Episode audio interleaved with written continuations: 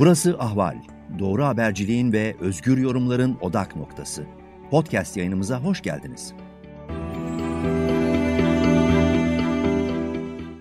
Merhaba sevgili Ahval dinleyicileri. Ben Gülten Sarı Sıcak takiple karşınızdayım. Bugün bir vefat haberini, detaylarını irdeleyeceğiz. Kalan Müzik'in sahibi Hasan Saltık hayatını kaybetti. E, müzik dünyasının sanatçıların yakından tanıdığı bir isimdi e, Saltık. E, bunu konuşacağız. Çok sayıda müzisyen ve sanatçı Saltık'ın vefatının ardından onunla olan dostluklarına, iş ilişkilerine dair çok sayıda mesaj paylaştı. Kalp krizi nedeniyle vefat etti Saltık. E, şimdi onu tanıyan isimlerden bir tanesi sanatçı ve aktivist Ferhat Tunç konuğumuz. Ferhat Bey hoş geldiniz yayına. Merhabalar, hoş bulduk. Biraz bize Hasan Saltık'ı anlatır mısınız? E, müzik dünyasında neye tekabül ediyordu, neler yaptı? E, biraz daha dinleyicilerimize, izleyicilerimize tanıtırsanız sevinirim. Yani Hasan'ın aslında ilk yıllarına dair söyleyeceklerim olabilir ama çünkü son yıllarda çok fazla görüşmüyorduk. Bunu ifade edeyim. 1987 yılında tanıdım ben Hasan'ı.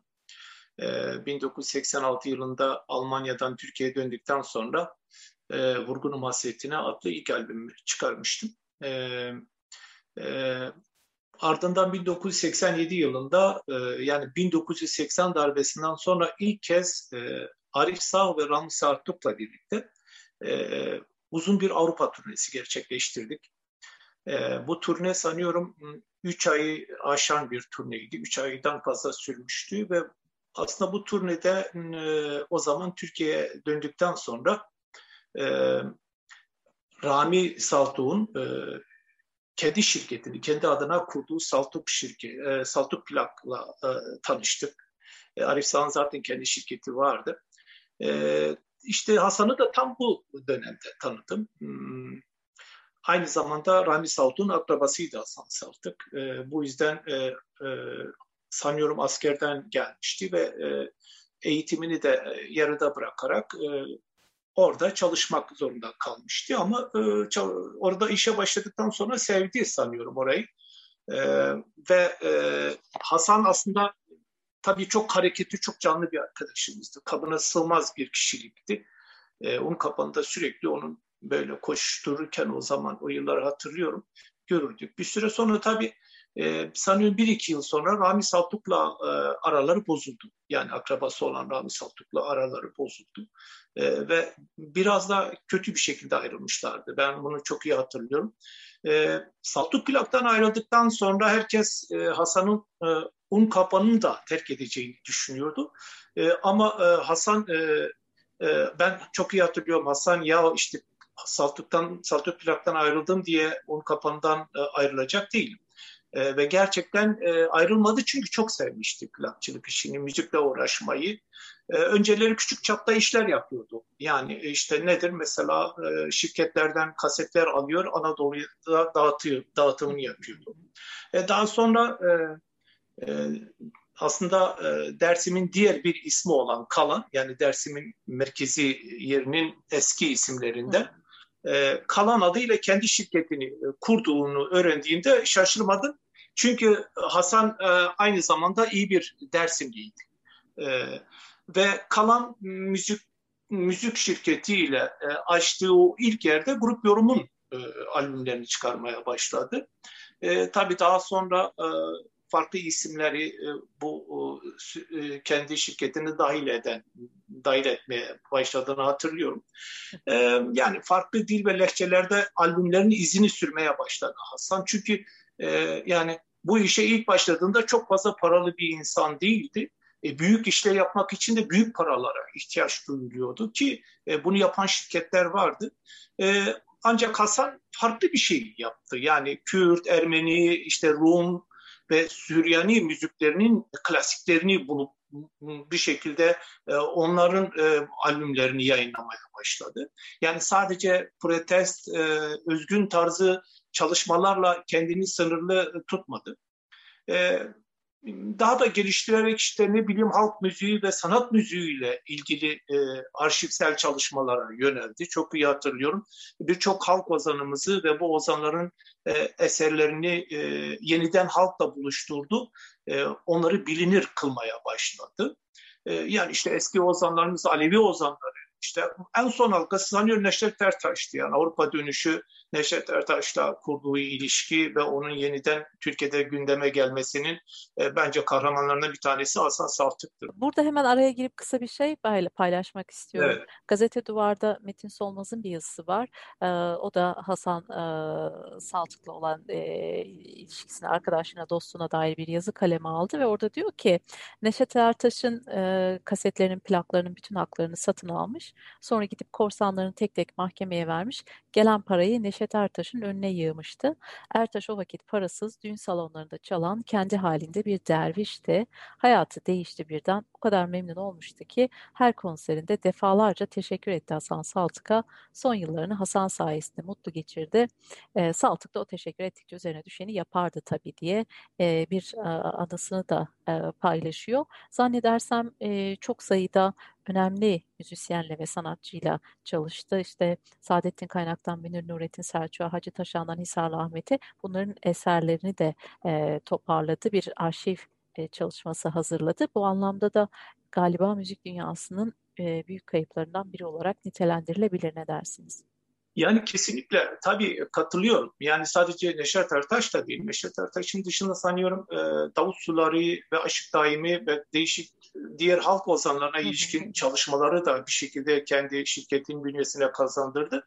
Yani bu ilişkiler aslında Hasan'a farklı bir kimlik kazandırdı. Onu söyleyeyim. E, Birçok sanatçının aynı zamanda yine e, TRT tekelinde bulunan işte arşivini edinerek e, onlara yeniden bir hayat kazandırdı. E, bunlar çok önemliydi. Yani işte son derece başarılıydı bu konuda. Onu özellikle belirteyim. Büyük bir e, müzik arşivi oluşturdu bu çal bu e, çalışmalarıyla. Un kapanında e, çok iyi hatırlıyorum. E, böyle herkes e, e, kısa yoldan büyük paralar kazanacak müzisyen arayışındayken e, Hasan e, e bu tür çalışmaların peşine düştü. Ee, aslında un kapındaki hiçbir e, plak şirketinin sahibi Hasan'ın bu çalışmalarını çok fazla e, anlam veremiyordu. E, çünkü para getiren, para kazandıran çalışmalar olarak görmüyorlardı. Hı hı. Onun için de çok fazla önemsemiyorlardı ama sanıyorum Hasan ne yaptığının farkındaydı. Yani bilinçli bir çalışma yürütüyordu. Yani müzik üreticisi olmanın aslında popüler bir CD çıkartmaktan ibaret olmadığını kanıtlamaya çalışıyordu ki doğru olan da buydu. E, yaratıcıydı ve bu o, yaratıcı kişiliği sadece müzikle ilgili de değildi. Bunu özellikle belirteyim. Yani sadece Türk müziğiyle ilgili de çalışmadı. Hasan'ın ilgi alanına giren halklardı, kül, halkların kültürleriydi. Farklı etnik kimliklerden e, halkların e, bir şekilde yok olmaya, unutulmaya yüz tutmuş e, e, kültürlerini, kültürüyle ilgileniyordu, müzikleriyle ilgileniyordu. E, yani bununla da yetinmedi. Bu halklara ait trajik e, olaylar dolayısıyla yaşanmış e, acılar e, Hasan'ın ilgi alanındaydı. Mesela ben e, eski askerlerle kurduğu bazı e, ilişkilerini biliyorum. Bu ilişkiler sayesinde e, e, Dersim katliamı ile ilgili çok önemli belgelere, e, fotoğraflara ulaştı. E, yani bu anlamda da bir arşiv oluşturdu. Sadece müzikle ilgilenmiyordu ama e, bu süreci aydınlatan belgelerin çoğu yani Dersim meselesi söz konusu olduğunda bugün Hasan'ın yani kalan müziğin arşivinden yararlanıyor. Onun bir şekilde bu askerlerle kurduğu ilişkiler sonucunda elde ettiği bilgiler, bilgiler, belgeler e, bunlardan yararlanıyor. E, gerçekten e, çok yönlü bir arkadaşımızdı. Çok yönlü çalışma yürüten bir arkadaşımızdı ki sanıyorum çok daha farklı hedefleri vardı. Herkese iyi geçinen bir arkadaşımızdı. Yani tabii zaman zaman tartıştığımız da olmuştur. Birbirimizi eleştirdiğimiz de olmuştur. Yani mesela özellikle son dönemlerde iktidar dan iktidar mensubu bazı kişilerle geliştirdiği ilişkiler e, nedeniyle eleştiriliyordu. E, ama Hasan insandı. Dolayısıyla e, herkese insani ilişkiler geliştirmenin e, sakıncalı olmadığını bir şekilde kanıtlayan, canlı olarak kanıtlayan biriydi. E, bu konuda da asla onu yargılamam. Yani e, bence yargılanacak, yargılanacak bir durum değil. Hasan Sadık, evet, Diğer taraftan da tabii çok önemli değerleri hayatımıza kattı Erkan Oğur işte grup yorum, kardeş türküler, fenomen e, çok sayıda e, bu isimlerin eserlerini yayınladı. Anadolu Ajansı'na evet. verdiği bir röportajda da aslında e, türküleri derlemesi, toplaması ve arşivlemesiyle ilgili sizin de dediğiniz gibi kendisine biraz para getirmediği için bu işler e, farklı gözle bakılıyordu. Neden bu işi yapıyor gibi düşünülüyordu ama mesela Doğru. o röportajda şöyle diyor. E, yani öyle bir şey yapmalıyız ki Osmanlı kültürü de dahil bütün Türkiye'nin coğrafyasını ve müzik kültürünü, çeşitliliğini hepsini tanıtabilelim. Çünkü o sırada taverna ve pop furyası vardı. İlk başlarda biz arşiv serisi yapınca Anadolu halk ozanları, aşıkları veya diğer küller, diğer dillerde Kürtçe, Lazca, Zazaca, Süryanice, Yezidice veya mübadeleri şarkıları yapınca bütün gazeteler bu plak şirketi de nereden çıktı dedi. Hatta müzik sektörü de bize enayi gözüyle bakmaya başladı diyor ama belli ki onun müziğe bakışı e, tüm Türkiye genelinde e, her anlamda e, çok daha geniş, çok daha gelecek nesillere e, müziği bir miras gibi bırakma anlamında e, gelişmiş görünüyor galiba. E, ne, ne demiştim? Yani Hasan e, aslında müzikte de yaratıcı yani e, böyle bakmak lazım.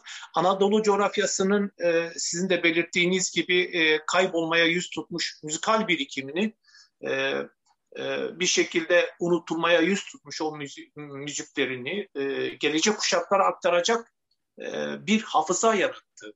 Yani ama bunu yaptı, bunu yapmayı başardı. bu değerleri aslında kültürel mozaiğine akıtmayı çok başarılı bir şekilde e, yapan e, biriydi Hasan e, Sadık. Kimse bunun bu özellik hakkında e, yeteri kadar kadar tanındığını söylemek e, mümkün değil.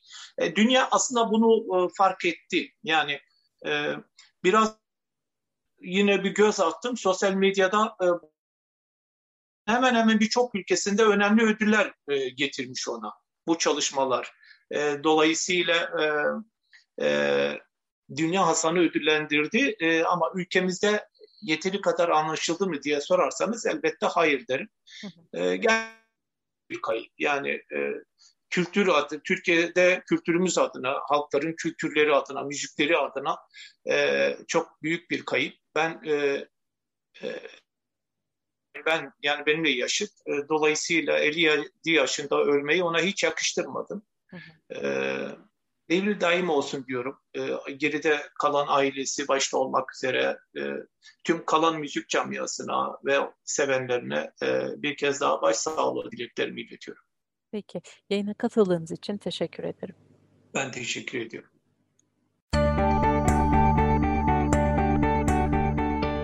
Ahval podcastlerini tüm mobil telefonlarda Spotify, SoundCloud ve Spreaker üzerinden dinleyebilirsiniz. Apple iPhone kullanıcıları bize iTunes üzerinden de ulaşabilir. Türkiye'nin ve hayatın cıvıl cıvıl sesleri Ahval Podcast dizisinde. Kulağınız bizde olsun.